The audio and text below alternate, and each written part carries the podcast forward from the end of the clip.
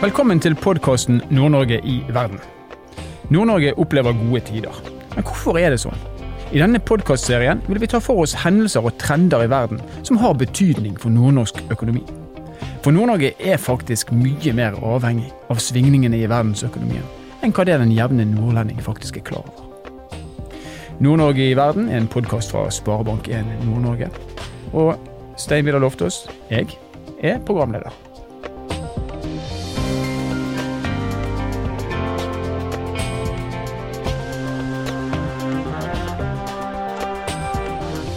Audhild Dahlstrøm, du er ansvarlig redaktør for Kunnskapsbanken, kbnn.no. Hvorfor trenger vi en podkast som Nord-Norge i verden? Vi trenger å spre kunnskap om hvordan den økonomiske situasjonen i Nord-Norge faktisk blir påvirka av det som skjer rundt oss i verden. Hvorfor er det viktig? Ja, Det er viktig av flere årsaker. For det første så trenger vi kunnskap for å kunne vite når og hvor en skal satse, hva en skal legge til rette for, hvordan en skal planlegge, og hva en skal planlegge for. Og ikke minst ha trygghet for de investeringene som en tar. Men Nord-Norge går jo så det suser, det har vi hørt egentlig over veldig mange år. Er ikke det en indikasjon på at vi har full kontroll på alle disse områdene? Ja, kanskje, kanskje ikke. Jeg tror at mange har god kunnskap, men generelt så beskriver ikke da situasjonen videre. Så er det riktig hvis jeg da påstår at dersom noen starter en reiselivsbedrift, som mange har gjort de siste årene, og faktisk lykkes med det, så har de egentlig bare litt flaks med timingen? Nei, jeg tror at noen velger å starte en sånn bedrift fordi det er mange turister i landsdelen vår, men eh, spørsmålet er vet vi hvorfor det er så mange turister her? Utenom at det er fantastisk natur. Vet vi hvor lenge de kommer til å fortsette å komme hit? Og vet vi hva som påvirker dette? Der tror jeg at vi er i mange tilfeller reaktive. Vi har snakka med Trond Øverås, som er administrerende direktør i Nordnorsk Reiseliv, om nettopp den turistboomen som Nord-Norge har opplevd de siste årene. Hør på dette. Ser vi på perioden 2014 til 2018, så har det vært en fantastisk vekst av utenlandske gjestedøgn i, i Nord-Norge. Faktisk på tilnærmet 44% og det er veldig høyt. De største utenlandsmarkedene for Nord-Norge det er de tradisjonelle europeiske markedene, i tillegg til at USA har vokst mye det siste.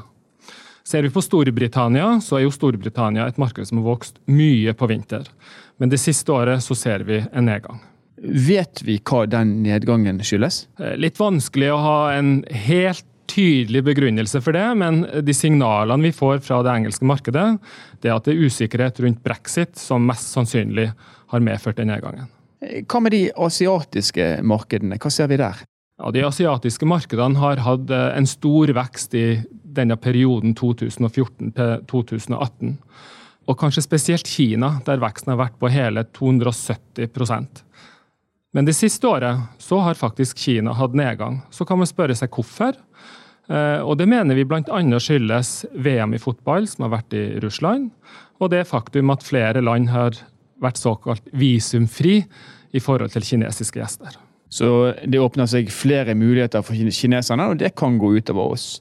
Men hvis du ser på kineserne som en isolert gruppe, det er jo ikke mange år siden de begynte å dra ut fra Kina. Hva er det som gjør det mulig for kineserne å dra på ferie til Nord-Norge i dag? Jeg vil si at Den viktigste faktoren det er at du har hatt en fremvekst av en middelklasse.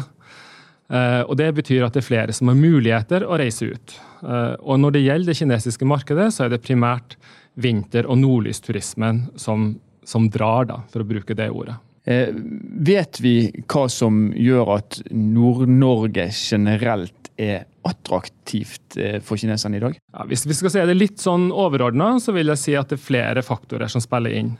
Ser vi på trendbildet, så ser vi at gjestene ønsker mer aktive ferier. Eh, det spiller inn. En annen faktor det er at Nord-Norge og Norge regnes som et relativt sikkert reisemål å reise til.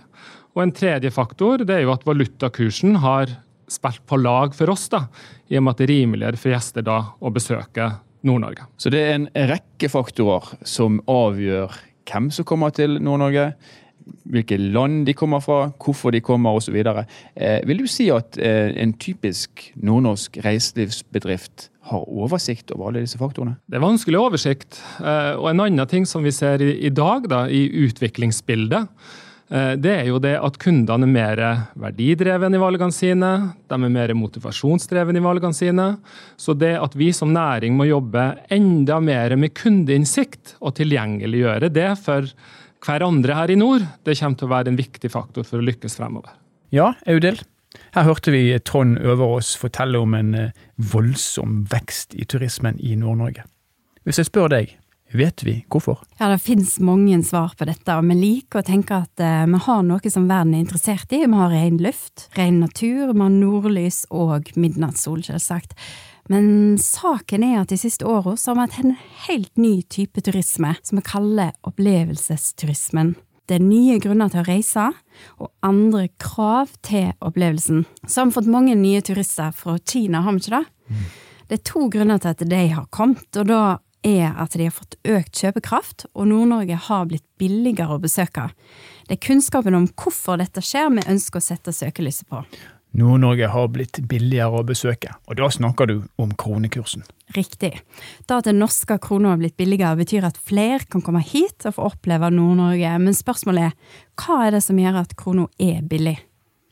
Og det er akkurat den type detaljer vi skal sette søkelyset på i denne podkastserien.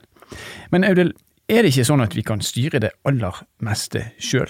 Er vi virkelig så påvirkbare som det du indikerer? Altså, det som skjer i verden, det påvirker oss, enten direkte eller indirekte. Og da håper jeg denne podkasten kan bidra med å belyse både ja, hvorfor, og aller mest hvordan forholder vi oss til situasjonen, eller situasjonene. Så der vi syns at vi er gode, så kan det kanskje hende at vi bare rett og slett har litt flaks. Dette syns jeg er interessant, og det er skummelt, og jeg gleder meg til å bore dypere i materien.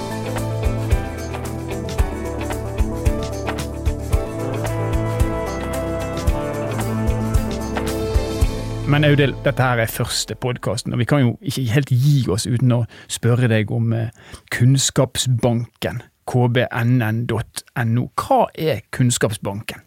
Kunnskapsbanken er først og fremst en nettside levert av Sparebanken Nord-Norge, men i samarbeid med nordnorske kunnskapsleverandører. På denne nettsida finner du oppdatert kunnskap om økonomien vår og samfunnsrelaterte tema. Der vil du finne podkasten, denne her. Eh, du vil finne rapporter som f.eks.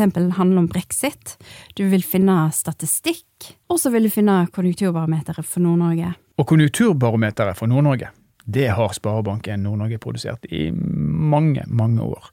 Og det kommer også fortsatt til å finnes på denne nettsiden, akkurat som før, eller? Han vil i hvert fall fortsette som før, men eh, etter hvert som vi ser større svingninger i økonomien globalt, eh, og dette påvirker den nordnorske økonomien, så er vi nødt til å oppdatere den oftere enn én en gang i året. Og andre endringer er at vi skal drille litt mer ned lokalt, sånn at du kan finne informasjon som er relevant for ditt område. Det høres utrolig interessant ut, i hvert fall for oss som er litt over snittet interessert i, i denne type tema. Men apropos tema, hvem er det som bestemmer hva slags rapporter som skal lages, og hva tema som skal belyses?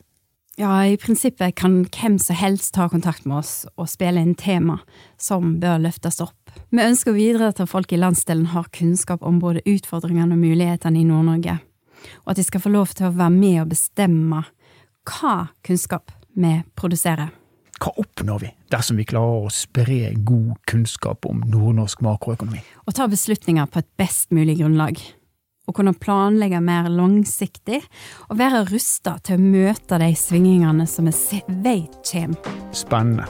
Og mer spennende kommer det til å bli. Dette er første episode i podkastserien Nord-Norge i verden. Disse podkastene vil være tilgjengelige der du normalt finner podkaster, og du vil i hvert fall kunne finne dem på kbnn.no. Musikken du har hørt, er laget av Emil Karlsen. Nord-Norge i verden er produsert av Sparebank1 Nord-Norge i samarbeid med Helt Digital. Mitt navn er Stein Vidar Loftaas. Vi høres i neste episode.